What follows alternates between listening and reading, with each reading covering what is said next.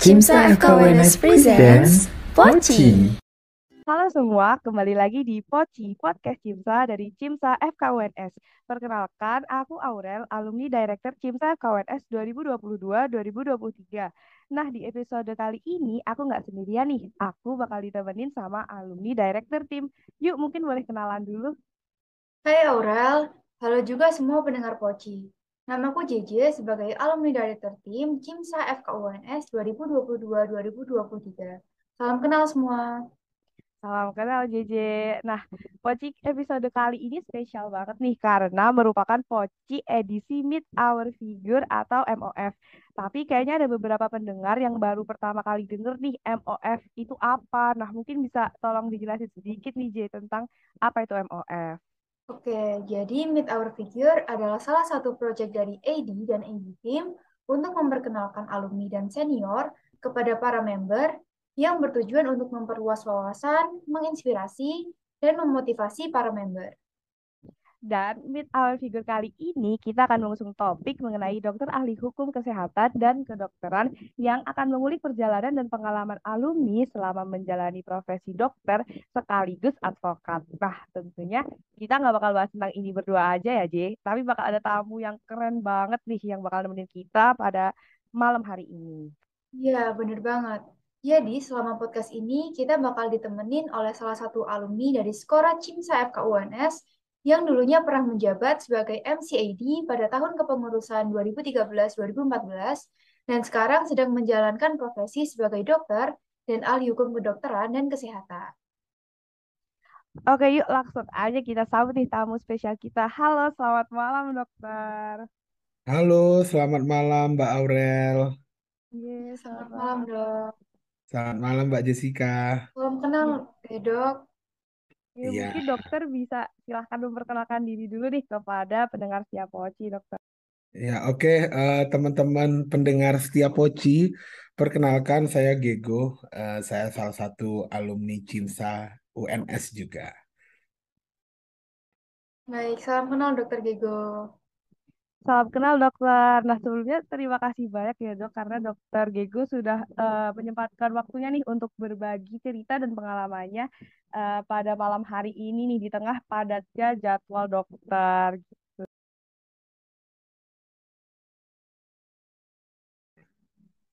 Eh, baik, eh, untuk dokter hari ini bagaimana kabarnya ya, dok? Malam ini ya seperti malam-malam biasanya, tapi lebih spesial lah karena bisa ngobrol sama teman-teman Cimsa UNS. Saya beberapa kali sih sempat eh, balik ke UNS, artinya kegiatan-kegiatan Cimsa. Tapi ya sudah cukup lama akhirnya ketemu lagi deh sama Cimsa UNS. Kamu kangen gitu ya dok di cerita kita pada malam hari ini. Iya betul, harus apa ya, menjalin hubungan terus sama teman-teman di UNS, terutama Bener Cimsa ya. banget. Iya, benar. Oke, dokter mungkin kita langsung masuk aja nih ya Dok, ke topik pembahasan kita hari ini. Nah, jadi pada MF kali ini kita mau membahas tentang dokter ahli hukum kesehatan dan kedokteran. Jadi pertama saya ingin bertanya nih dok, eh, apa sih alasan dokter Gego sehingga tertarik untuk mempelajari hukum ketika dokter itu sudah setengah jalan nih dalam menjalani pendidikan eh, untuk menjadi seorang dokter? Mungkin bisa diceritakan sedikit dok. Iya, oke. Saya pikir belum tentu semua kenal saya juga ya dan tahu perjalanan yang saya geluti selama ini. Eh, berawal dari kuliah di kedokteran UNS tahun 2012 gitu ya. Kenapa jadi dokter? Ya karena dulu cita-citanya memang jadi dokter. Kebetulan kalau background keluarga, ayah saya seorang dokter, dokter umum. Kemudian ibu saya itu seorang dosen dan dosen hukum lah. Udah kebayang nih dari awal gitu ya kalau udah saya bilang begitu. Eh, tapi tidak pernah terbayang sama sekali dalam hidup saya itu menggeluti dunia hukum. Kenapa? Karena yang saya lihat setiap harinya dari kecil itu ya kehidupan ayah saya sebagai seorang dokter. Kebetulan saya itu bukan orang kota, saya itu orang kampung gitu ya. Saya di kota Bengkulu, nggak tahu nih semua pada tahu nggak Bengkulu itu di mana gitu ya. Jangan-jangan pulaunya juga nggak tahu di Pulau Sumatera gitu ya. Nah dari kota Bengkulu bukan tepatnya di kota Bengkulu tapi ada salah satu kabupaten namanya Kabupaten Rejang Lebong di ibu kota kota ibu kota kabupaten itu ada kota Curup. Nah saya ditinggal di sana sampai SMA kebetulan tinggalnya itu di ruko gitu ya rumah toko jadi rum, eh, tinggalnya di lantai dua di lantai satu itu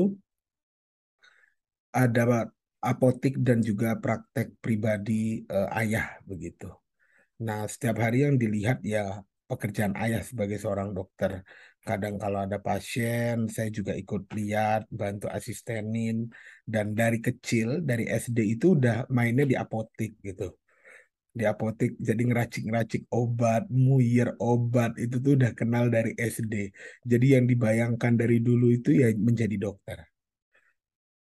Nah, akhirnya ya alhasil dengan perjuangan gitu ya tentu kalau anak dari desa tuh beda daya saingnya gitu kan tapi ya puji Tuhan diberikan kesempatan untuk menjadi dokter dan kuliahlah di tahun 2012 masuk ke kedokteran UNS. Nah kebetulan di tahun 2013 itu ibu saya nyusul gitu nyusul ke Solo nggak tahu karena anaknya bandel apa gimana gitu kan. Tapi memang ibu itu ngambil kuliah S3 hukum di UNS.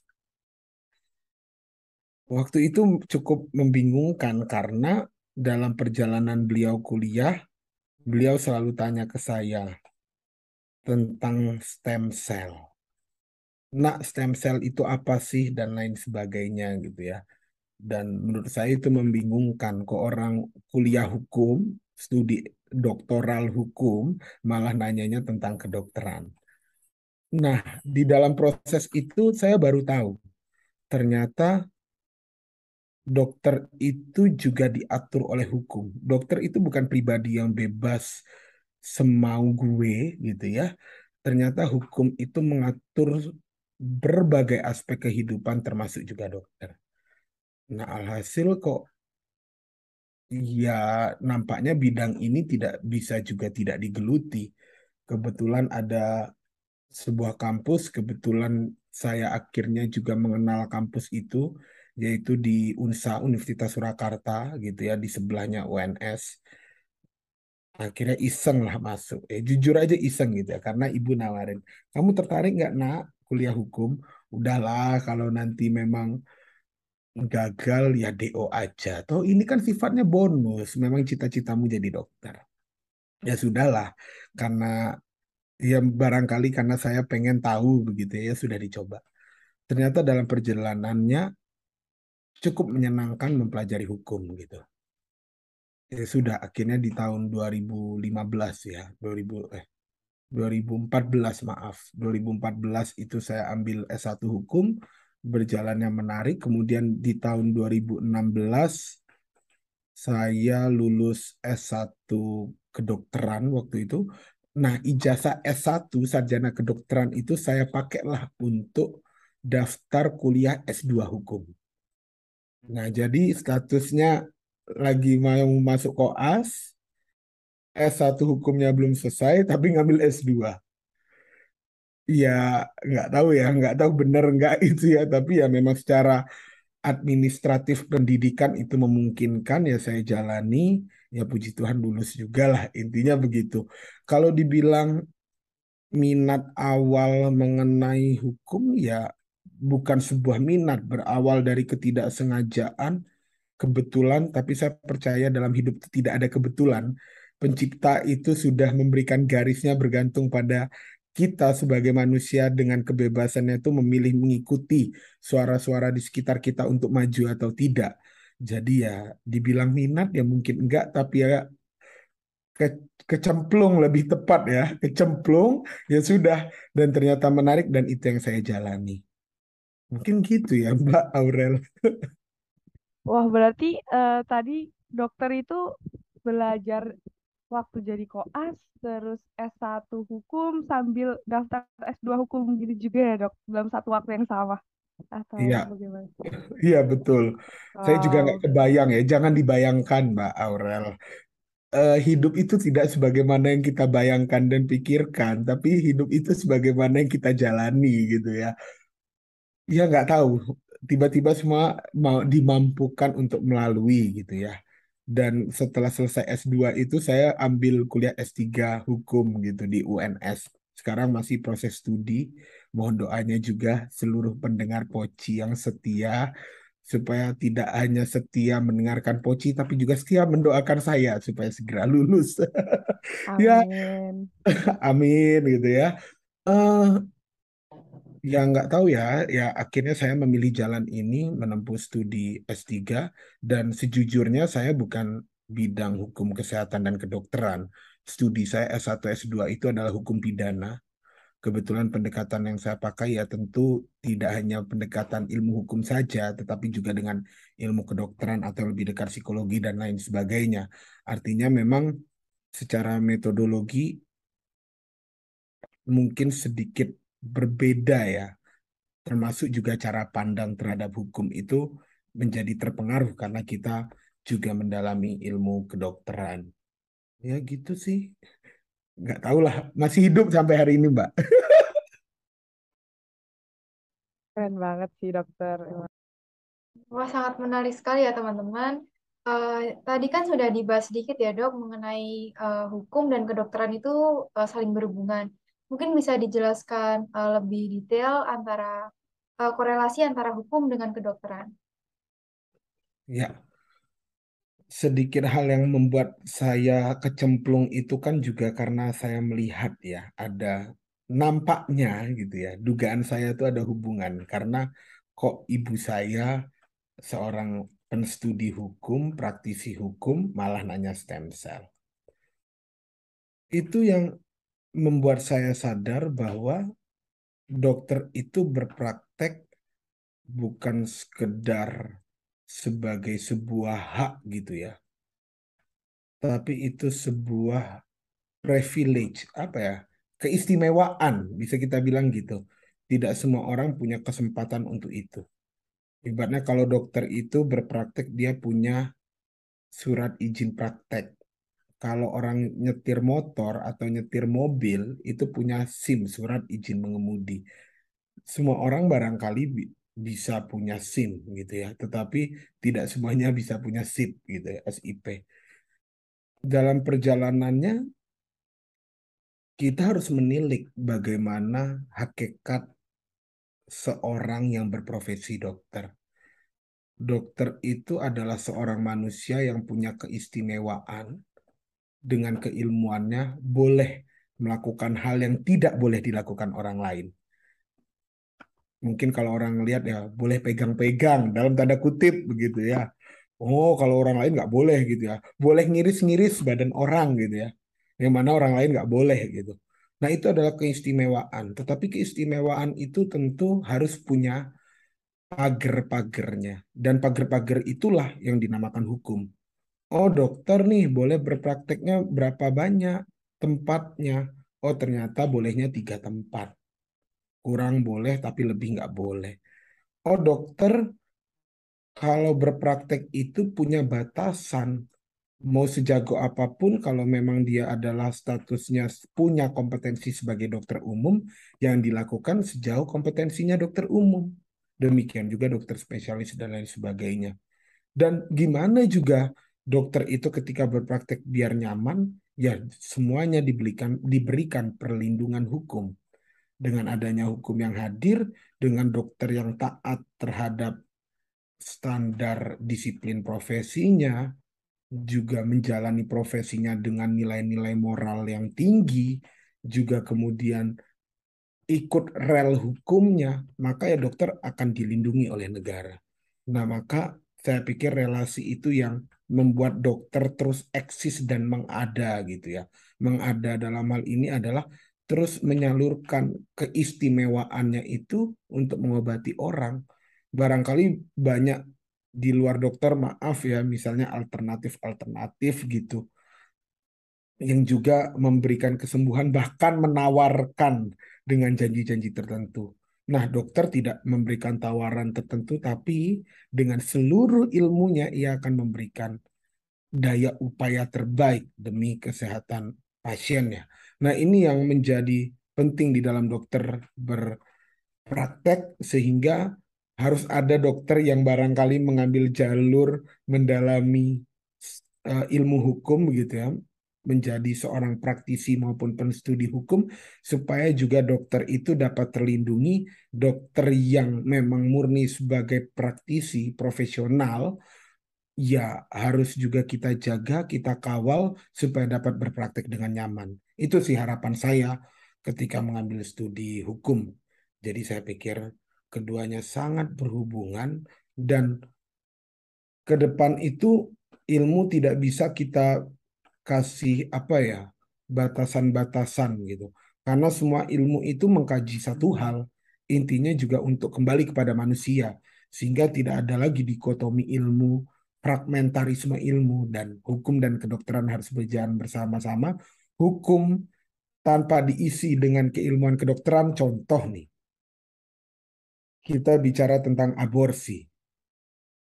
Definisi aborsi nggak bisa secara hukum doang, harus sesuai juga dengan kedokteran. Hukum itu diisi oleh ilmu kedokteran. Tapi dokter tanpa diberi batasan hukum juga tidak bisa. Maka keduanya berjalan beriringan. Mudah-mudahan ini sedikit hal yang mengantarkan kita tentang uh, ternyata ada nih hubungan antara hukum dan kedokteran ya. Wah, menarik sekali ya. Ini jujur menambah pengetahuan baru. Jadi ternyata hukum dan kedokteran itu saling terikat antara satu dengan yang lain. Uh, mungkin uh, lanjut ke pertanyaan yang selanjutnya. Uh, kan kita sama-sama tahu ya, kalau kuliah di kedokteran itu bukanlah suatu hal yang mudah. Nah, gimana sih caranya Dokter Gego untuk mempersiapkan diri supaya bisa menyelesaikan kuliah kedokteran yang masih ditambah lagi dengan kuliah hukum? Nah, itu dia. Saya harus sharing bahwa ada momen di mana teman-teman kuliah saya itu tahu saya kuliah hukum, terus teman-teman bilang, ngapain tuh Gego kuliah hukum, kuliah kedokteran aja nggak becus gitu ya. Nah, kalau kita hanya mengikuti pemikiran orang dan membatasi kemampuan diri kita karena kebanyakan mengatakan bahwa kuliah kedokteran dalam tanda kutip lebih berat dibanding kuliah yang lainnya, Sebenarnya itu yang membatasi diri kita sendiri. Saya nggak tahu ya sebuah kebetulan. Saya juga dibilang telat ya, nampaknya telat, nggak telat-telat banget gitu ya. Saya lulus S1 kedokteran tuh tahun 2016. Artinya mungkin nggak 7 semester banget, tapi 8 semester. 8 semester itu kalau dilihat dalam peraturan pendidikan, kebetulan karena saya seorang dosen dan juga saya sekarang kesibukannya di lembaga penjaminan mutu universitas gitu. Jadi saya tahu nih yang dikatakan berhasil studi tepat waktu itu apa? 8 semester itu tepat waktu. Ya puji Tuhan tepat waktu. Ketika koas dan kemudian UKM PPD dan kemudian sumpah dokter, seingat saya saya gelombang dua sumpahnya gitu. Kalau nggak dua tiga, tapi seingat saya gelombang dua. Artinya dibilang telat ya saya pikir juga enggak. UKM PPD puji Tuhan satu kali ujian ya lulus gitu ya. Nggak tahu itu karena yang menguji kasihan atau gimana tapi ya intinya lulus kan begitu ya. Uh, maka saya berani meyakinkan teman-teman semua bahwa terkadang yang membuat kita berat itu adalah pikiran kita sendiri dan seakan-akan di dalam menjalankan dunia kedokteran dengan banyak orang yang mengatakan kuliah kedokteran itu berat, itu yang membuat dengan secara tidak sengaja di bawah alam sadar kita merasakan itu berat. Tapi secara uh, apa ya, secara mudah atau sederhananya saya akan katakan begini. Barangkali teman-teman saya memilih setelah beres kuliah kedokteran akan istirahat di rumah tidur atau main. Nah, waktu untuk tidur atau main atau belajarnya kedokteran yang teman-teman kedokteran itu yang saya pakai waktunya buat kuliah hukum. Maka saya pikir ini murni mengenai manajemen waktu dan kembali semua kepada prioritas kita. Ya barangkali waktu main saya tidak tidak lebih mudah dibanding teman-teman yang lain. Tapi setidaknya ya saya mencoba mengisi itu. Tapi juga ada kan teman-teman juga yang memilih sambil kerja misalkan. Ya saya pikir semua pilihan itu baik gitu ya. Saya juga tidak bisa mengklaim pilihan saya ketika kuliah kedokteran kemudian kuliah hukum itu adalah yang terbaik. Tidak. Tetapi tiap orang itu saya yakin punya peran di dalam kehidupan ini, punya keinginan daya juang yang berbeda pula di bidang yang lainnya. Maka saya pikir semua kembali kepada bagaimana memprioritaskan hidup kita, bagaimana juga memanfaatkan waktu yang secara objektif itu tidak akan menjadi lebih lambat, tidak akan menjadi lebih cepat gitu ya. Kita pakai semaksimal dan seoptimal mungkin. Uh, itu yang saya coba jalani sampai hari ini walaupun saya sekarang juga agak berat ya, yang namanya kerja sambil kuliah gitu ya. Tapi ya saya pikir itu hanya bagian-bagian kerikil kehidupan yang harus dilalui. Jadi ya yang penting fun aja gitu. Jangan pernah memberatkan atau mengkerdilkan dirinya sendiri hanya karena pemikiran-pemikiran yang saya pikir perlu dibuang sejauh mungkin. Gitu Mbak JJ. Wah, keren banget nih dok. Tadi ada statement yang kayak, wah keren banget nih menurut aku di mana dokter itu mengatakan kalau sebenarnya kita tuh bisa, cuma pemikiran kita sendiri nih yang justru membatasi kita bisa berkembang menjadi lebih baik lagi ke depannya gitu ya dok.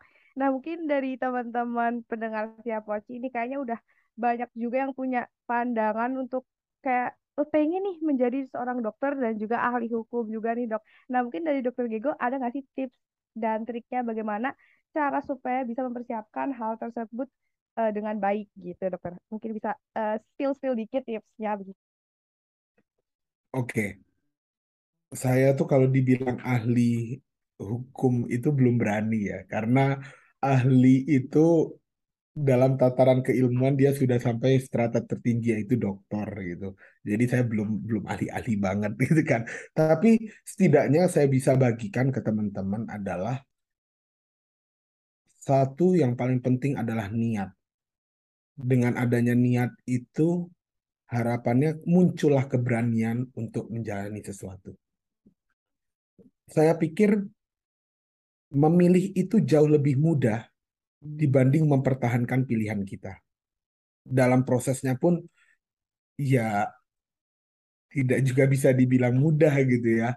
Karena ya pasti terseok-seok, capek rasanya. Kok semua berat banget, padat banget, tugas numpuk gitu ya. Maka ya ya tapi mau nggak mau ya sudah kita jalani karena mempertahankan pilihan itulah yang tidak mudah. Sekalipun orang bilang Kadang memilih itu juga tidak mudah. Sesulit-sulitnya memilih, tetapi jauh lebih sulit mempertahankan pilihan. Maka dengan niat yang sudah diawali dengan baik, gitu ya. Saya pikir semua yang diawali dengan niat baik itu akan membuahkan hasil yang baik. Saya punya moto ya, prestasi bukanlah sebuah kebetulan semata, tetapi buah dari perjuangan dan pengorbanan yang sepadan. Maka prestasi itu semua juga ber, teriring linier dengan perjuangan dan pengorbanan kita. Hmm. Tetapi jangan pula prestasi itu selalu diartikan harus juara, harus IPK 4.0 gitu ya. Enggak juga. Prestasi itu bisa dilihat dalam berbagai konteks gitu ya. Bahkan teman-teman CIMSA gitu ya memilih studi kedokteran sambil berorganisasi itu pun tidak mudah. Tetapi pertahankanlah pilihan itu dan percayalah dengan niat awal untuk mengembangkan diri, mengoptimalisasi dirinya, membentuk karakter yang semakin kuat di dalam diri kita, ya semua akan bisa dilalui. Nah, eh, saya tidak yakin yang saya jalani ini tepat gitu ya, karena saya juga nggak tahu nyambi-nyambi itu juga baik atau tidak gitu ya. Tapi setidaknya tips nyambi ya tentu harus tahu karakter perkuliahan kedokteran dulu dan karakter kuliah yang akan dipilih, khususnya kuliah hukum misalkan. Karakter perkuliahannya gimana, waktu perkuliahannya bertumbukan atau tidak, itu dulu nomor satu yang paling penting. Kemudian yang kedua, ya harus ikhlas. Ikhlas dengan waktu yang tadinya mungkin dihabiskan dengan cara yang berbeda dan sekarang harus menempuh menghabiskan waktu yang berbeda pula. Nah, tapi kalau untuk menjadi seorang ahli hukum kedokteran, saya pikir saya pun masih berjuang. Kebetulan studi S3 saya memang hukum administrasi yang lebih banyak ke hukum kesehatan. Saya pun sedang berjuang menggeluti itu gitu ya. Tetapi tips nyambi sudah saya berikan dan saya tidak berani jamin dengan pasti yang saya lakukan itu juga tepat. Jadi ya sekiranya baik dan teman-teman yakini yang saya jalani itu baik ya ayo kita berjuang bareng. Gitu sih ya. Semoga walaupun saya yakin tidak puas ya sedikit dipuaskan dengan jawaban saya. Wah, sangat keren dan sangat-sangat insightful sekali ya teman-teman pendengar Poci. Jadi kunci utamanya tadi adalah niat dan bagaimana kita mempertahankan pilihan awal supaya semua bisa kita lalui dengan lancar. Oke, jadi um, bener banget sih tadi tips dan trik yang udah dikasih tahu sama dokter Giga. Kalau misalnya seseorang udah punya niat, itu pasti seberat apa pun rintangannya, dia bakal bisa melewati itu gitu. Nah, terus ada yang bikin aku penasaran nih dokter. Um, ketika dokter mempelajari ilmu kesehatan atau kedokteran dan juga mempelajari ilmu hukum, uh, ada nggak sih dok semacam culture shock yang dokter alami gitu? Kayak dokter baru sadar, wah ternyata ini seperti ini ya, ternyata ini seperti Iya, saya tuh biasanya kalau ngomong berapi-api, tapi karena suara saya agak hilang nih, jadi kurang berapi-api. Tapi ini sudah sedikit membuat saya semangat gitu ya. Ini cerita menarik sebenarnya, menurut saya menarik. Jadi kultur, kulturnya tuh sangat berbeda gitu ya, karena kita di dunia kedokteran itu kan biasa dengan hierarki gitu ya. Ada hierarki yang kita pegang pakemnya gitu. Sedangkan kalau di hukum saya pikir, saya duga tidak ada hierarki yang begitu uh, seperti kedokteran, maka memang uh, dengan me, apa ya keilmuan yang beda, tentu karakteristik orangnya juga berbeda. Kemudian kalau kita bicara paradigma ilmu, maka pencapaian kebenarannya pun berbeda gitu ya. Kalau kita kedokteran itu kan yang dilihat koherensi dari keilmuan secara teoritik itu seperti apa dengan satu teori yang kita yakini kebenarannya saat ini. Sedangkan kalau di ilmu hukum itu kebenaran itu ada banyak bergantung pada sisi mana dan aliran mana kita berdiri, misalkan begitu. Saat saya ujian S2 hukum, karena saya masih bolak eh, balik koas akhir waktu itu, saya tuh lupa men-set diri saya gitu. Kalau di kedokteran kan misalnya ada masukan, kita cenderung memilih mendengarkan dengan baik gitu ya, bukan mempertahankan argumentasi kita. Nah, pas lagi ujian itu saya dikasih apa? Misalnya penguji itu kan ada dalam tanda kutip caranya adalah metode devil advocate gitu ya. Dia akan memposisikan diri oposisi gitu ya, berlawanan, diametral dengan kita. Nah, saya waktu itu settingnya adalah terima kasih masukannya dan lain. Terus di tengah perjalanan ujian tesis itu saya baru baru sadar, oh iya ini hukum gitu. Akhirnya saya uh, memilih untuk mempertahankan argumentasi saya, terutama tesis saya. Yang namanya tesis itu kan tatarannya memang beda dengan skripsi. Kita mempertahankan apa yang sudah kita teliti gitu ya, hasil yang kita pertahankan gitu. Nah itu akhirnya, oh iya ya gitu. Ya kulturnya sangat-sangat berbeda gitu ya. Tetapi, nah ini yang saya pikir menjadi penting, ikut organisasi seperti ikut CIMSA, anda juga dapat mengenal teman-teman dapat mengenal apa ya dunia luar gitu ya. Kalau kita bicara CIMSA kan tagline-nya itu empowering medical students, improving nation health gitu ya. Maka setelah kita semakin dimampukan gitu ya, kita upayanya adalah untuk mengembangkan atau memperbaiki kesehatan bangsa, kesehatan negara gitu kan. Nah, kita menggunakan ilmu kita dan langsung terjun ke masyarakat. Dan di dalam organisasi yang besar ini tidak hanya berkecimpung dengan dunia UNS saja. Saya pikir bukan masalah kedokteran atau hukum aja yang beda kulturnya, tapi beda universitas pun akan beda kulturnya. Dan di sanalah kita mengembangkan diri. Jadi ya namanya shock gitu, saya pikir ada. Tetapi ya bagaimana kita dalam prosesnya kan terus mengembangkan diri. Contoh, Saya masih ingat banget, saya dekat dengan senior-senior saya ada angkatan 2010 juga waktu itu. Saya ngeluh kan, aduh mau ujian OSCE nih mbak makin susah gini gini gini padahal aku masih mau garap tugas hukumku dan lain sebagainya. Dia selalu bilang, tenang go, ke depan itu pasti makin berat. Loh, kita kaget kan, ini orang nyuruh tenang tapi kita dibilang makin berat. Tapi kita makin kuat. Nah, kalau teman-teman di sini sadar di awal-awal kuliah ujiannya kan vital sign gitu kan. Kayaknya susah banget gitu kan. Ternyata kalau udah lewat dan mau ujian lain, lah yang kemarin tuh gampang banget ternyata. Besok lebih sulit. Nah, ke depan pasti makin berat, tapi kita makin kuat. Nah, dengan mencicil dalam tanda kutip ya, kita menghadapi rintangan-rintangan kecil di depan kita, itu juga membuat kita semakin kuat. Jadi berbahagialah teman-teman semua yang banyak cobaan hidupnya, yaitu adalah salah satu kesempatan kita untuk juga mengembangkan diri dan semakin kuat. Aduh, kemarin gak ikut Simsa kayaknya waktu belajar lebih banyak gitu kan. Nah, tapi apakah dengan waktu yang lebih banyak itu juga kita meyakini kita akan belajar lebih? Nampaknya tidak. Tapi ketika kita ah, dipaksa untuk bisa mengefektifkan mengefisienkan waktu yang kita gunakan, ada daya ledak yang itu keluar dari diri kita dan membuat kita semakin mampu. Nah, maka proses itu yang membuat akan semakin kuat dalam menghadapi shock budaya. Gitu ya Mbak Aurelia. Oh, berarti emang walaupun hukum dan kedokteran itu saling beriringan, berdampingan, tapi em emang culture-nya itu ada yang berbeda gitu ya dok dari segi budayanya dan lain sebagainya gitu. Terus juga um, tadi menarik banget nih kalau misalnya kita banyak cobaan hidup harusnya kita tuh bangga karena itu salah satu cara kita supaya kita itu bisa semakin kuat lagi gitu mungkin ya dok. Iya, betul banget karena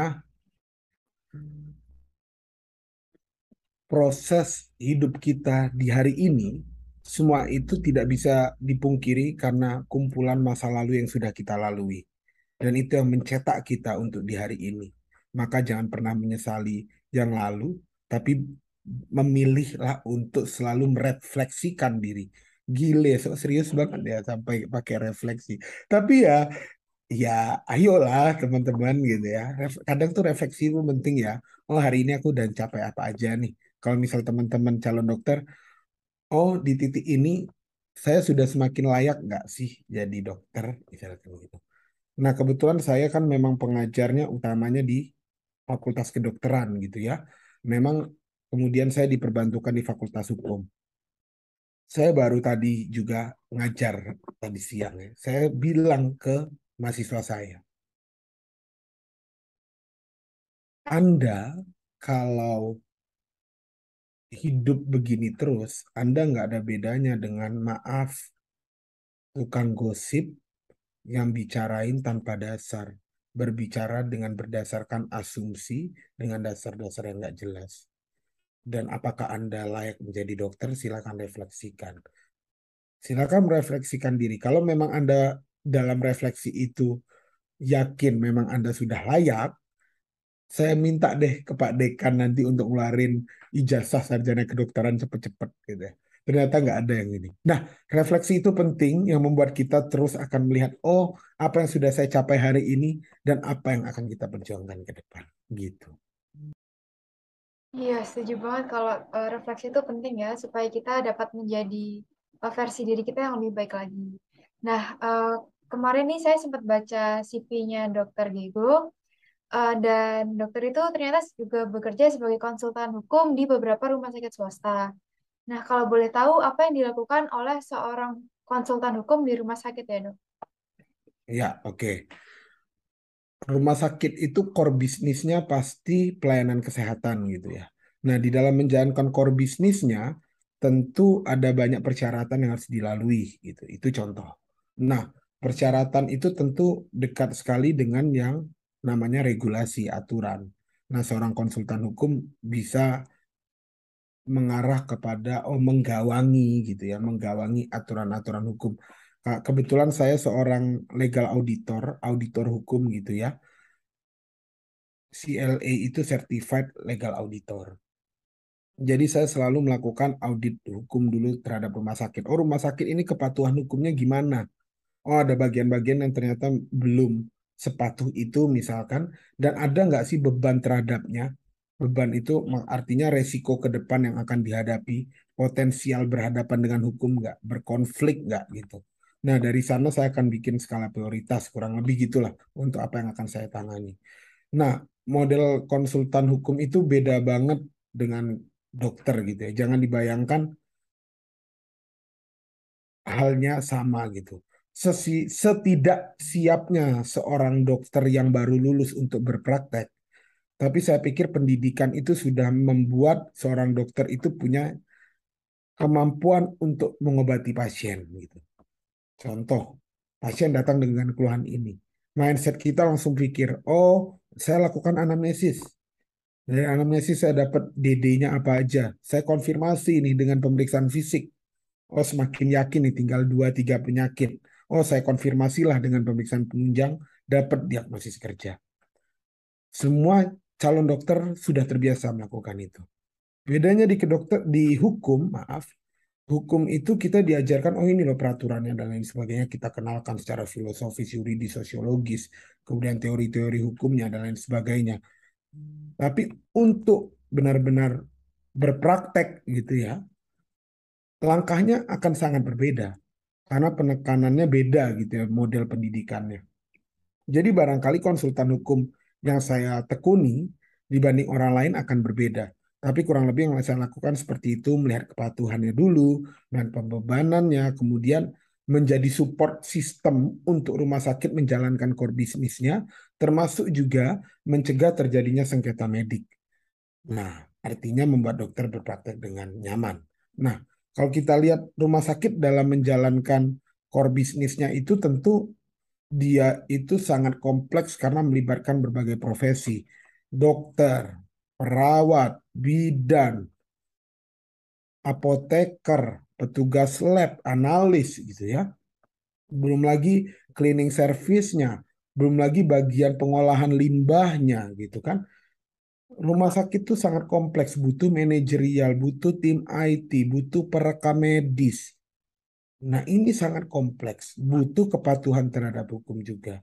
Nah selain itu juga sebagai sebuah badan hukum, rumah sakit juga harus melakukan kontrak kepegawaian misalkan.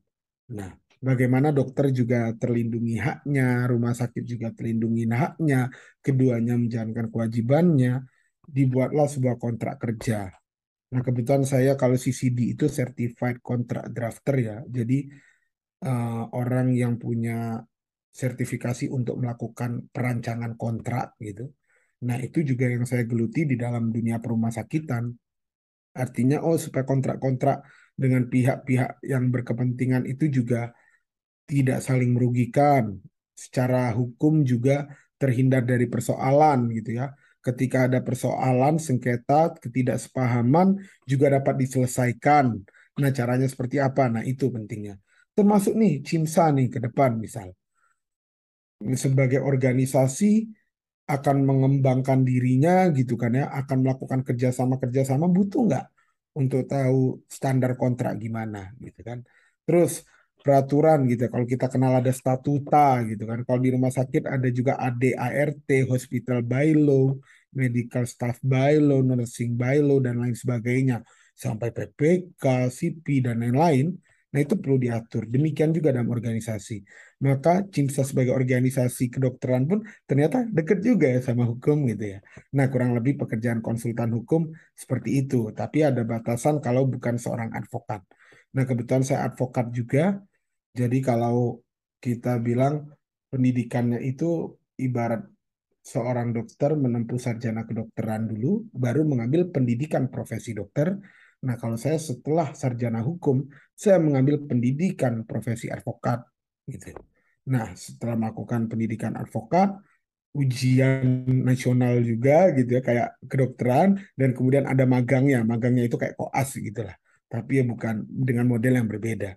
Nah, kalau berprofesi sebagai advokat juga ya ia punya kuasa untuk melakukan ke, uh, upaya pembelaan terhadap kepentingan hukum kliennya. Nah, kalau dalam hal ini misalnya rumah sakit, ya misal rumah sakit menghadapi sengketa, gugatan, permasalahan hukum, ya kita akan melindungi rumah sakit itu melakukan pembelaan-pembelaan demi kepentingan hukum dari rumah sakit gitu. Nah, jadi memang ya konsultan hukum itu tidak bisa dilepaskan dari yang utama sebagai seorang advokat gitu, Mbak. Oke, baik dokter. Menarik sekali ya di penjelasannya. Tapi emang kalau misalnya mau jadi konsultan hukum itu nggak bisa sembarangan gitu ya dok. Karena kita perlu dasarnya itu kuat dulu gitu. Nah terus uh, izin nanya lagi dok. Ada nggak sih dok pengalaman menarik lain selain yang udah diceritakan tadi ya dok? Uh, selama dokter itu menjadi seorang uh, ahli hukum kedokteran dan kesehatan dan juga sebagai dokter gitu dok. Mungkin bisa diceritakan.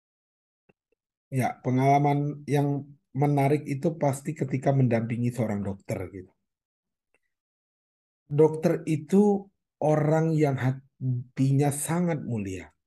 Yang diutamakan adalah pasiennya. Bahkan jiwa altruismenya itu bisa dikatakan sangat berbeda dibanding manusia lainnya termasuk profesi lainnya lebih cenderung mengorbankan dirinya gitu ya karena di dalam dunia pendidikan kita memang kita dididik untuk membangun karakter seperti itu. Nah, terkadang nih, saking baiknya dokter, contoh ada misalnya, ini kasusnya fiktif gitu ya, tapi memang sering terjadi. Ada ibu-ibu datang bawa anaknya sakit gitu kan, minta surat izin sakit, tapi mintanya dari berapa hari yang lalu. Karena anaknya nggak bisa ikut ujian, gitu ya. Kadang hati dokternya aduh kasihan gitu ya demi pendidikan dikasihlah surat izin dari tanggal yang lalu. Nah itu maksudnya niatnya baik untuk nolong pasien. Tapi ternyata potensi melanggar hukum juga besar. Nah, kalau yang terjadi secara langsung yang saya alami adalah ketika saya melakukan pembelaan kepada seorang dokter, yang mana dokter itu diduga melakukan uh, apa ya tindak pidana yang merugikan pasien. Waktu itu sudah sampai pasiennya melapor ke MKDKI, Majelis Kehormatan Disiplin Kedokteran, sudah dilapor pidana. Nah itu pengalaman saya mendampingi dokternya di kepolisian itu sangat menarik gitu ya. Ya sampai sekarang ya pekerjaan saya begitu. Cuman maksudnya pengalaman pertama itu sangat menarik karena dokter itu sangat kebingungan.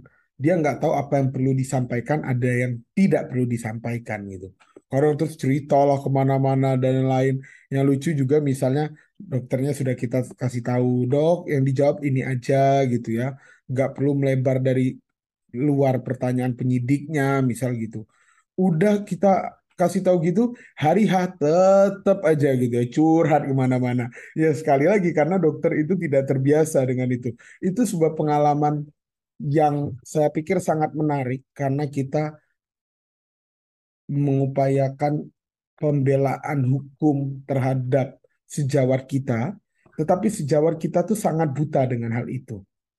Nah, itu saya pikir sebuah pengalaman menarik karena juga yang membuat terkesan tempatnya itu jauh gitu ya dari kota Semarang, tempat saya kerja sekarang. Saya harus perjalanan darat ke tempat itu selama 12 jam kalau berangkat jalan darat gitu ya. Dan itu sangat melelahkan. Tapi yang sangat menyenangkan itu ketika melihat dokter dan pasien atau keluarga pasiennya itu berdamai. Mereka yang tadinya itu gontok-gontokan gitu kan, terus bisa saling memahami, dokternya sudah menjelaskan yang dilakukan, pasiennya juga paham. Nah pasien itu kan kadang nggak paham dengan ilmu dokter yang ngawang-ngawang tinggi banget. Apa itu istilah fibula gitu kan? Eh, tibia gitu kan eh nggak paham gitu kan terus bilangnya nanti inflamasi misalkan nah pasiennya bingung nah kita coba jelaskan gitu kan karena paham kedua sisi oh pasiennya paham kemudian mereka berdamai pelukan gitu bahkan saya mengenal keluarganya pasien itu sekarang baik banget gitu kadang-kadang dia nanya ke saya, nanya kabar, apalah kalau misal ke kota itu juga diajak jalan-jalan. Nah, itu ya pengalaman yang menarik. Artinya yang tadinya berlawanan dengan posisi kita yang berupaya untuk saling membuat mereka memahami satu sama lain, yaitu sebuah kebahagiaan tersendiri untuk saya. Oh, pengalaman yang sangat menarik ya teman-teman. Nah, uh, selain menjadi konsultan hukum, Dr. Gego kan sekarang bekerja di klinik Pratama Ibu Teresa sebagai staf medis staf medis fungsional, kemudian juga bekerja sebagai advokat dan juga sebagai dosen di Unika Sugiya Pranoto Semarang. Nah, itu kan pasti sibuk banget ya, Dok. Nah, gimana sih cara dokter membagi waktu supaya bisa mencapai work-life balance? Ya, kebetulan kalau saya di klinik sebenarnya juga nggak banyak waktunya ya, karena memang pada akhirnya saya mendedikasikan diri sebagai dosen juga, dan pekerjaan dosen itu banyak banget. Saya di klinik itu seminggu hanya satu kali dan cuma empat jam. Nah, sekali lagi, jadi dosen itu juga kepleset gitu, nggak sengaja. Kebetulan, nah, karena saya sudah lulus dokter, tapi kan nunggu internship waktu itu ya. Dan kebetulan sudah SH dan MH. Saya cuma membayangkan, loh, saya udah lulus dokter tapi kok belum kerja. Karena kan kalau kita belum internship kan nggak mungkin praktek gitu ya, karena belum punya STR definitif, belum punya surat izin praktek. Nah, saya dalam bayangan saya adalah saya mau cari uang gitu ya dengan cara jadi dosen. Saya daftar-daftar di Solo nggak ada lowongan gitu ya, sekian banyak universitas. Eh di Lala nggak sengaja ketemu dengan universitas yang sekarang. Niat awalnya cuma ngisi aja, udahlah biar ada sampingan gitu kan. Eh ternyata dunia pendidikan itu menyenangkan dan akhirnya ya sudah kejeblos lagi gitu. Dan jadi dosen kedokteran pula gitu ya, karena saya lebih uh, utamanya di kedokteran di Departemen Kedokteran Humaniora. Dibilang bagaimana mencapai work-life balance, saya tidak yakin saya juga balance gitu ya. Karena mungkin dibanding orang lain waktu istirahatnya jauh lebih banyak gitu. Tapi setidaknya di dalam apa yang kita jalani, kita tuh harapannya selalu bahagia. Harapannya kita bisa ya dalam lelahnya itu kita menemukan kebahagiaan. Saya nggak tahu juga yang saya jalani itu toxic productivity atau tidak gitu juga ya. Tapi setidak-tidaknya saya mencoba untuk happy di dalam perjalanan hidup saya. Saya justru punya pengalaman yang paling mengesankan itu adalah ketika menguji skripsi. Kebetulan saya menguji skripsi pertama kali di Fakultas Hukum. Ketika menyatakan lulus dan Selamat Anda sekarang telah layak menyandang gelar sebagai seorang sarjana hukum. Itu udah pengen nangis saya ngomongnya. Karena ya saya pikir saya usia juga belum tua-tua banget gitu kan. Mungkin bukan seorang dosen yang juga bijaksana gitu kan. Atau juga secara keilmuan saya kira saya juga masih sangat rendah ilmunya, belum banyak gitu. Tapi saya diberikan kesempatan untuk juga berperan di dalam hidup seseorang gitu kan. Orang itu akhirnya punya boleh punya gelar gitu. Itu pengalaman yang benar-benar rasanya tuh dada sampai sakit banget. Belum lagi ya itu selalu terjadi ketika saya nguji Nah, belum lagi ketika saya membimbing, saya kebetulan mahasiswa bimbingan saya itu belasan fakultas hukum, yang kedokteran ada dua gitu ya, karena kita angkatannya kan baru di tempat saya bekerja. Ketika bimbingan saya yang pertama kali saya bimbing itu lulus, wah rasanya itu itu nggak ternilai gitu. Jadi itu bahagia banget. Nah, saya pikir balance di dalam kehidupan kita itu bagaimana kita juga di tengah kesibukan kita, kita menemukan kebahagiaan. Nah, kalau mau sedikit agak suci gitu ya, katanya tuh kalau menemukan Tuhan di tempat ibadah tuh pasti ketemu. Tapi bagaimana menemukan Tuhan di dalam setiap kehidupan kita gitu ya di di pacar kita yang menyebalkan misalkan gitu ya. Di tengah keluarga dengan adik yang menyebalkan kita berusaha menemukan Tuhan dalam pribadinya. Oh itu yang punya luar biasa. Ya saya bukan mengajak ayo kita religius bukan ya. Tapi artinya kebahagiaan di dalam hidup itu tiap orang punya cara untuk menempuh kebahagiaan masing-masing. Barangkali kalau saya disamakan dengan teman-teman di sini juga akan beda gitu ya. Ya artinya yang balance itu dengan cara tetap kita butuh istirahat, tetap butuh waktu main. Setidaknya saya masih ada waktu main lah, masih ada waktu buat istirahat, masih bisa nongkrong juga sama teman gitu ya. Tapi hati-hati kalau COVID itu masih di tengah kita. Maka saya mempromosikan kesehatan teman-teman semua juga harus tetap menjaga protokol kesehatan gitu dan jangan anti vaksin. Nah, jadi ya work life balance setidaknya hari ini saya masih merasakan kebahagiaan itu melekat dalam diri saya. Saya pikir itu work life balance. Maaf ya Mbak JJ tidak membuat puas jawaban saya ya.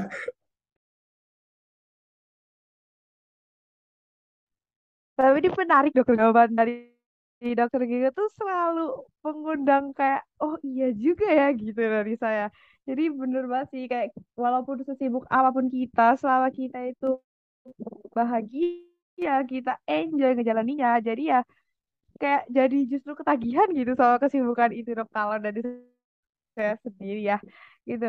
Nah mungkin uh, selama menjalani studi di kedokteran, dokter Gigu dokter Gigu itu kan juga aktif di organisasi KIMSA gitu ya dok. Bahkan dokter itu sempat menjabat sebagai MCAD di tahun kepengurusan 2013-2014 nih. Nah kalau misalnya sekarang nih ada nggak sih dokter uh, organisasi atau perkumpulan gitu yang masih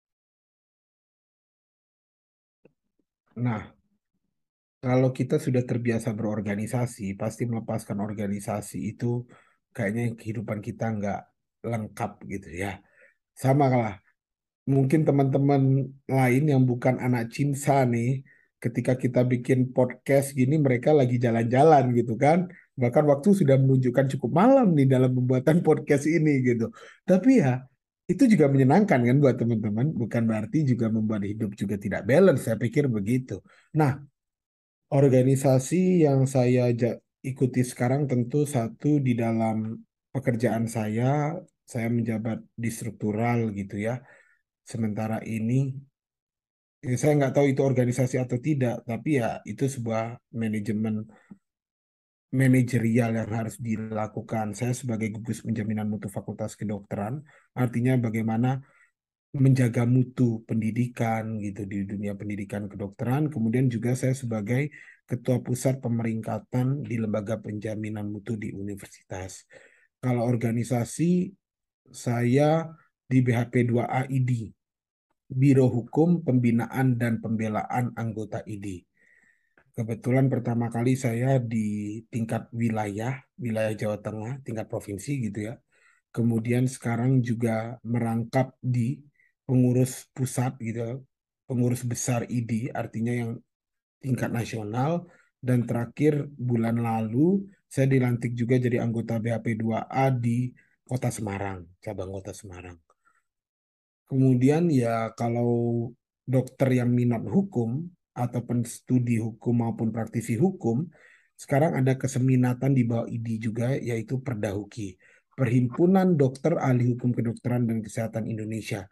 Kebetulan saya diamanahi sebagai sekretaris di Jawa Tengah.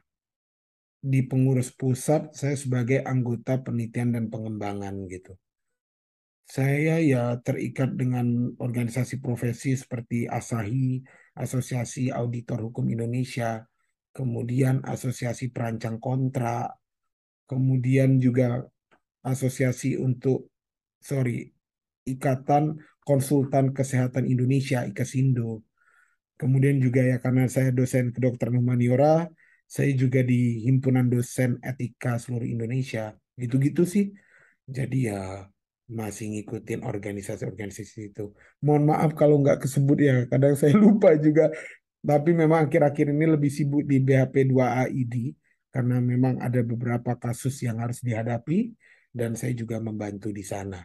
Jadi memang fokusnya lebih banyak ke sana dan ya perdahuki gitu ya karena ya kita lagi banyak bikin kegiatan termasuk juga seminar yang saya besok itu jadi moderatornya juga gitu Mbak. Wah, keren banget ya. Walaupun uh, sudah lulus dari uh, kuliah dan sudah bekerja, dokter tetap aktif dalam kegiatan organisasi.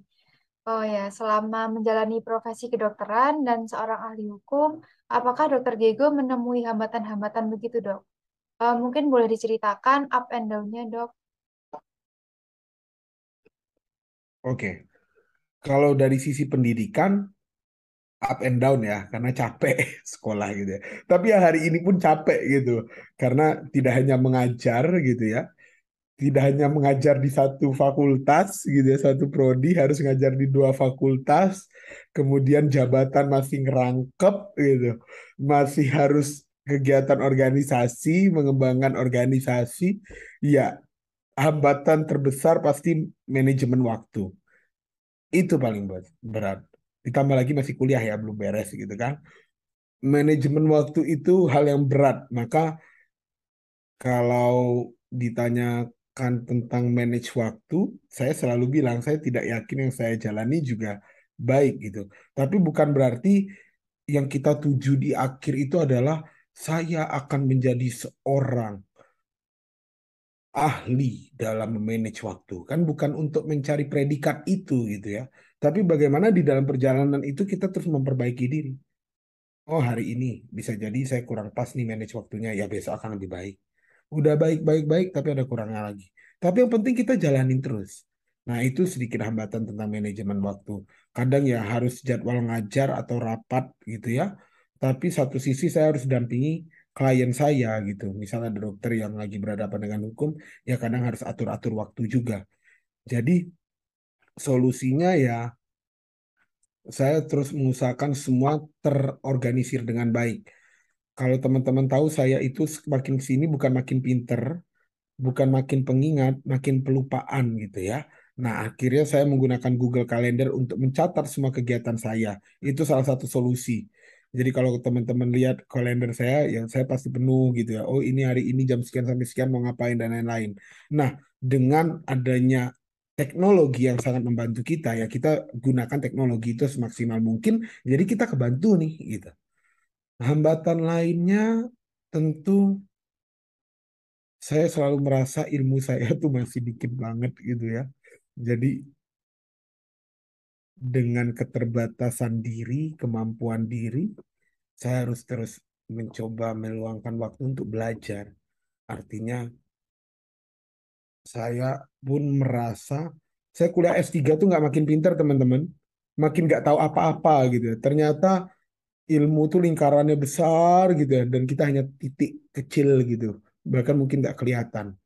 Nah, itu tantangan tersendiri terkadang bisa jadi kita jatuh kepada rendah diri gitu ya karena makin merasa nggak tahu apa-apa. Tapi ya memang harus terus belajar. Artinya ya setidaknya cara menghadapinya adalah terus terus terus dan terus belajar. Kalau kita di kedokteran kenal kan lifelong learning gitu ya. Kita seorang lifelong learner gitu. Belajar sepanjang hidup tuh benar banget teman-teman. Saya selalu bilang ke mahasiswa saya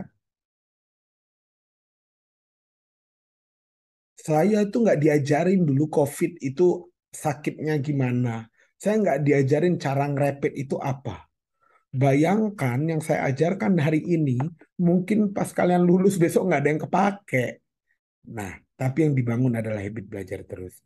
Jadi, teman-teman, nikmati aja hidup ini gitu ya, selalu dikasih senyuman gitu, dan hadapi itu jangan sendiri, bersama dengan orang yang menguatkan kita itu akan jauh lebih menyenangkan dan mengasikkan. Percayalah lingkungan kita itu juga akan mensupport kita. Bergantung kita memilih lingkungan seperti apa kita hidup dan di dalam lingkungan pun tentu saya pikir tidak sempurna, tapi di dalam ketidaksempurnaan itu justru semuanya menjadi sempurna. Gak mungkin sesuatu menjadi sempurna tanpa ketidaksempurnaan. Ya, itu filosofis banget ya. Aduh, males nih. Kok omongannya serius terus ya?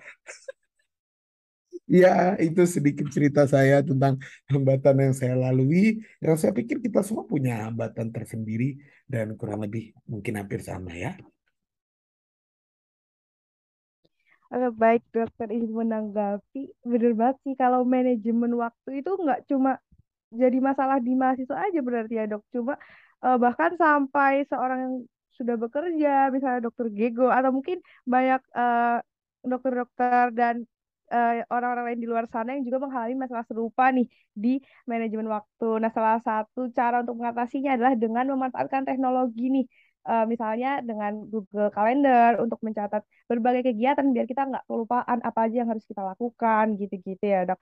Nah, eh, setuju juga sih kalau misalnya em, kita itu sebagai seorang yang terus belajar long life learner gitu.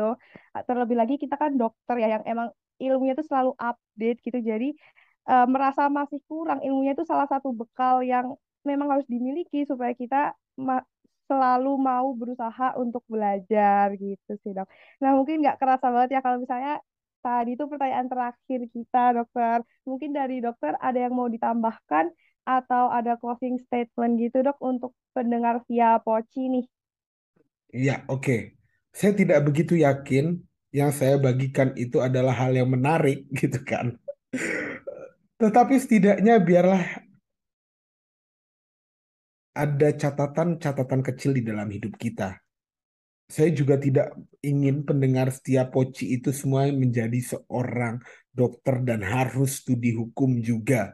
Bukan berarti saya nggak pengen punya saingan, nggak gitu ya. Ya saya sangat senang. Kebetulan ada beberapa adik tingkat gitu ya, senior teman-teman juga di UNS yang juga akhirnya memilih jalannya double juga. Ada yang ngambil hukum, S2 hukum, ada yang mengambil S2 manajemen. Itu banyak banget teman-teman dan ternyata memang semakin membuka lebar cakrawala kita, kita akan semakin kaya.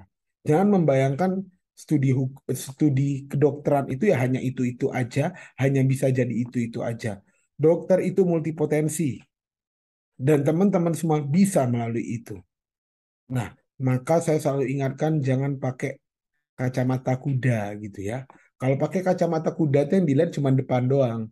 Tapi kacamata kudanya dilepas dong. Artinya apa? Satu, perluas wawasan dengan cara bergaul dengan banyak orang, berbagai latar belakang kehidupan maupun keilmuan, itu akan membuat kita semakin kaya dan terbuka. Sedikit yang ingin saya bagikan adalah hidup itu memang tidak mudah. Setiap fase kehidupan itu punya kesulitannya masing-masing. Tapi itulah warna kehidupan yang membuat kita akan selalu diberikan pilihan menyerah dalam hidup itu atau berjuang di dalam kehidupan kita dan membuat sebuah rintangan-rintangan yang ada bukan menjadi hambatan tetapi menjadi sebuah peluang dan buatlah beratnya, derasnya hujan tantangan itu menjadi sebuah pelangi yang nantinya juga indah. Jadi ayo teman-teman semua para pendengar setiap Poci setidak-tidaknya saya berharap sekian menit yang sudah teman-teman habiskan mendengarkan suara saya ini ada hal baik yang bisa dibawa ke depan. Setidak-tidaknya kejelekan saya buatlah menjadi catatan supaya tidak berulang dan terjadi ke teman-teman. Karena guru yang terbaik adalah pengalaman orang lain, bukan pengalaman kita sendiri. Gitu aja ya Mbak. Oke, dokter. Guru yang terbaik adalah pengalaman orang lain, bukan sendiri. Nggak tahu ya Benar, ini benar, benar, ya? dokter. Setuju, setuju. Baik, dok. Eh, mungkin sekian untuk Meet Our Figure season 3 episode 1 kali ini. Mungkin eh, semoga teman-teman bisa ter- mendapat insight dari perbincangan kita yang sangat menurut aku sih insightful banget ya dok karena beneran jadi banyak masukan baru nih yang aku dapatkan dari perbincangan kita kali ini. Sekali lagi terima kasih banyak Dokter Gego karena telah meluangkan waktunya untuk berbagi bersama aku, JJ dan juga teman-teman setia Poci. Eh, semoga bisa membawa manfaat bagi kita semua. Ya, terima kasih banyak dokter. Ah, Dan semangat terus untuk pekerjaan mulianya ya dokter. Semoga kami dan semua pendengar di sini bisa menyusul kesukse- kesuksesan dari dokter Gego. Oke, baik. Aku Aurel.